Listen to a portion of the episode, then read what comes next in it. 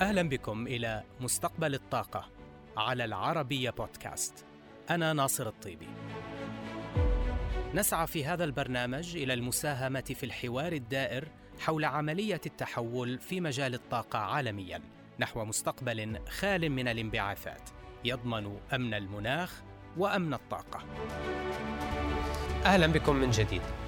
الاستثمار في الطاقة النووية غالبا ما يمر بعقبات لا تشبه أيا من أنواع الطاقة الأخرى. ففي العقدين الماضيين أحبطت مشاريع كثيرة لمحطات نووية بسبب تضاعف كلفة الإنشاء وتأخر مواعيد التسليم ما أثنى الكثير من الدول عن الولوج نحو الطاقة النووية أو التوسع بها.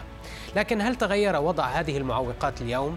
لنتابع إجابة الدكتور عدنان شهاب الدين في بعض بعض وليس كل مشاريع آه، إنشاء محطات طاقة نووية آه، صاحبها تأخير. ولكل آه، مشروع أسبابه. يمكن بشكل مختصر أهم أحد الأسباب هو عندما تأتي بتصميم جديد لمفاعل جديد وتعمل إنشاء مصنع من هذا النموذج لأول مرة مثل ما حصل في فنلندا في المفاعل الفرنسي أو في فرنسا. آه، لكن هناك مقابل كل حالة من الحالات هذه اللي حصل فيها تأخير وزيادة بالتكلفة ويعني عملت نوع من التخوف من الاستمرار في بناء المحطات النووية. مقابل كل واحد من هذاك هناك العشرات من المشاريع الجديدة التي تمشي وفقا للمخطط لها. أعطيك مثال. دولة بالأمارات العربية المتحدة اتخذت قرار في بناء مفاعلات نووية حضرت لها تحضير كويس عملت مناقصة أنشأت جميع المنظمات السلامة والتشغيل وكذا وتعاقدت على بناء أربع محطات وبنيت المحطات هذه من غير من غير أي تأخير يذكر. يعني أنا أذكر أول محطة كانت جاهزة للتشغيل لكن تأخرت سنة أو سنتين ليس في البناء. وإنما بالحصول على ترخيص من جهاز السلامة المستقل في دولة الأمارات لأنه كانوا ينتظرون تدريب المشغلين. ومع ذلك دولة الأمارات الحين عندها أربع مفاعلات.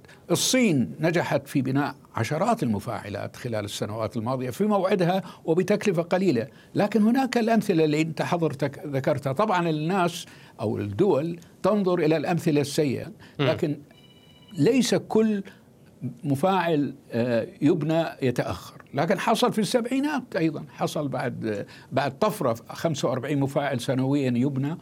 حصل في تأخير في بعضهم. أدى إلى آه، آه، إلى إلى إلى إلى, إلى زيادة التكلفة. يمكن النقطة اللي حابب أركز عليها إنه المفاعلات تبنى حاليا بالموقع. يعني لا تبنى مثل السيارات في المصارع ثم تشحن. وهذا يمكن أحد الأسباب. فأنت لما تبني في دولة وانت ما تعرف البيئة الصناعية في الدولة تتعرض لمشاكل إذا ما كنت مستعد لها راح يحصل تأخير. طيب دكتور إحدى التقنيات الجديدة في الصناعة النووية هي تقنية المفاعلات المعيارية الصغيرة وما يعرف باسم Small Modular Reactors SMR هل تتوقع أن تكون هذه التقنية محورية في انتشار الطاقة النووية بشكل أوسع مستقبلاً؟ بالتأكيد يعني يمكن الجميع أو جميع الخبراء وكثير من الدول تعول على دخول آه هذا النوع من المفاعلات الصغيرة النمطية. لعدة أسباب. السبب الأول له علاقة بالسؤال اللي طرحته حضرتك علي من شوي. أنه أحد أسباب التأخير وأنا شرحته أحد أسباب التأخير في بناء المفاعلات أنه كل مفاعل كبير 1000 ميجا وات يعني 1000 ميجا وات يبنى يبنى في الموقع.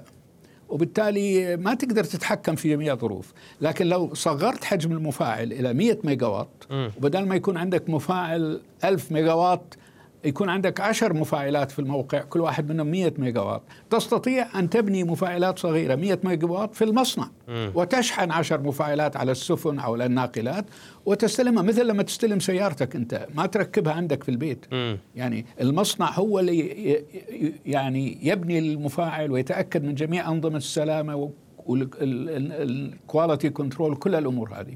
هذا أحد الأسباب. ثانيا بالطريقة هذه أنت تستطيع أن تتحكم في التكلفة الاقتصادية أيضا. يعني إذا أنت بنيت محطة ب 1000 ميجا وات من 10 مفاعلات أو خمس مفاعلات كل واحد منهم 200 ميجا وات تقدر تشغل على حسب الحاجة أكثر م. تقدر تتحكم أكثر. آه ف والنقطة الأخيرة المهمة جدا ج... آه تتميز هذه المفاعلات بأنه درجة الأمان فيها أعلى. لأنه اولا لو حصل حادث في مفاعل صغير ممكن عزل ذاك المفاعل. تتسرب راح تكون عشر. تكون خاصة في هذا المفاعل إلى عشر مثلا الألف هذه من ناحية.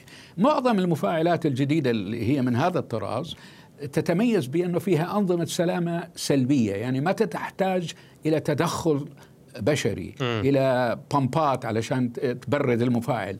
تتميز بأنه تصميم الوقود أو دورة الوقود النووي في حال حصول أي خطأ أو أي حادث هي تطفئ نفسها بنفسها وتبرد نفسها بنفسها وفقا لقوانين الطبيعة وليس للتدخل الهندسي. يعني لازم يكون عندك دورة مياه تبريد. إذا انقطعت الكهرباء عن دورة مياه التبريد مثل ما حصل في فوكوشيما نتيجة التسونامي هو اللي عمل المشكلة وليس الزلزال. صحيح. وعندما حصل الحادث في فوكوشيما آه، آه، توقفت المفاعلات عن العمل وفقا لأنظمة السلامة. لكن عندما جاء السونامي كان في خطأ في التصميم أنه أجهزة الديزل موضوعة تحت الأرض.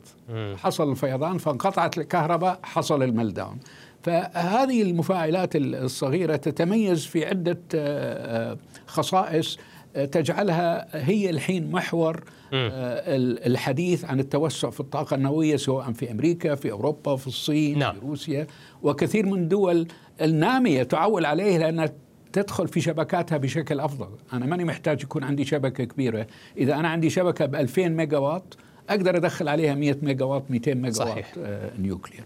دكتور لنتحدث بشكل أشمل استراتيجيا آه، هل تعتقد بأن الحرب الروسية الأوكرانية وذيولها الجيوسياسية ستغير من التفكير حيال الطاقة النووية السلمية من منطلق أمن الطاقة الاستراتيجي؟ ولا شك من ناحية أمن الطاقة يعني energy security آه، كان في تأثير مباشر يعني بعد النزاع أو الحرب اللي دارت و موضوع آه، إمدادات الغاز آه، وإمدادات النفط من روسيا التي تعتمد عليها الدول الأوروبية كبيرا، الدول الأوروبية بدأت تفكر إنه تعيد النظر في ذلك، روسيا بدأت تقطع إمدادات الغاز، اذا برز إلى السطح موضوع ما يسمى بأمن الطاقة. م.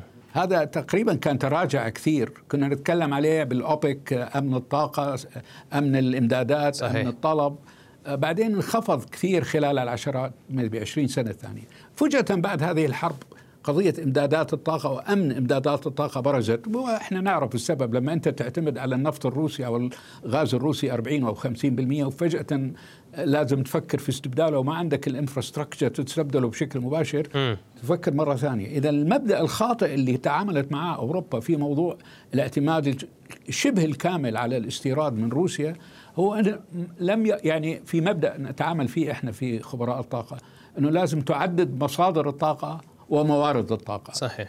ال resources وال sources. يعني إما مش بس مصدر واحد للطاقة مش نفط مش غاز مش طاقة نووية مش طاقة متجددة يجب أن تكون جميع هذه الأنواع إذا كانت متوفرة لدي. ومن عدة مصادر من عدة جهات يعني ما تكون معتمد على واحد. صح. فبالتالي الحين نتيجة اللي حصل برز موضوع الاهتمام بالطاقة النووية لانها تؤمن ما يسمى بتنوع مصادر الطاقة م. بالنسبة لأوروبا لو كان أوروبا لو كانت ألمانيا على سبيل المثال لم تغلق عشرات من محطات الطاقة النووية لما كان اعتمادها بهذا الشكل على الغاز الروسي. ولكن دو دكتور أنا آسف على المقاطعة هنا ولكن بما أنك جئت على آه، آه، آه، ذكر ألمانيا تحديدا في هذه النقطة مؤخرا صرح عدد من المسؤولين الألمان بأنهم ماضون قدما بإغلاق آخر ثلاثة محطات نووية في البلاد كما كان مخططا لها بالرغم من ارتفاع تكلفة إنتاج الكهرباء إلى مستويات قياسية في ضوء ما ذكرته حضرتك من خفض ألمانيا الاعتماد على الطاقة الروسية مؤخرا. كيف تقيم هكذا قرار ألماني؟ إذا في ضوء ما نتحدث عنه من فكرة آه، أمن آه، الطاقة. وأيضا من شق آخر هل تتحمل ألمانيا جزئيا مسؤولية ارتفاع طلبها على الغاز وما يتبعه من ارتفاع سعره وتكلفته عالميا على العديد من الدول النامية وذات الدخل المنخفض أيضا؟ تبي رأيي أنا أقول لك نعم لأنه قرار ألمانيا في التحول عن الطاقة النووية لازم نذكر أنه كان المسؤول عنه ميركل. وميركل نزلت انتخابات أول مرة في آه، آه، يعني توجه سياسي لإعادة الاعتبار للطاقة النووية وانتخبت على هذا الأساس. وفعلا شرعت لإلغاء قرار الحظر. لكن عندما نزلت الانتخابات ثاني مرة واجهت آه، معارضة شديدة من حزب الخضر وأنصارهم وكانت تحتاج لهم فقررت التحول لأسباب أيديولوجية. يعني لازم ننظر للموضوع إنه الموضوع ما هو فني. موضوع سياسي ايديولوجي ولذلك نجد إنه ألمانيا اليوم في مأزق. مأزق حقيقي. داخل ألمانيا نحن في ديبيت في في جدل. البعض يريد الإبقاء على الثلاث مفاعلات الأخيرة. البعض بما فيهم آه، رئيس الوزراء أو تشانسلر اللي صرح إحنا ندرس إمكانية. لكن صحيح. وزير وزير الاقتصاد قال اللي هو من حزب الخضر. من حزب آخر. صحيح. ف خضر. فلازم ناخذ في عين الاعتبار هل, هل هذا.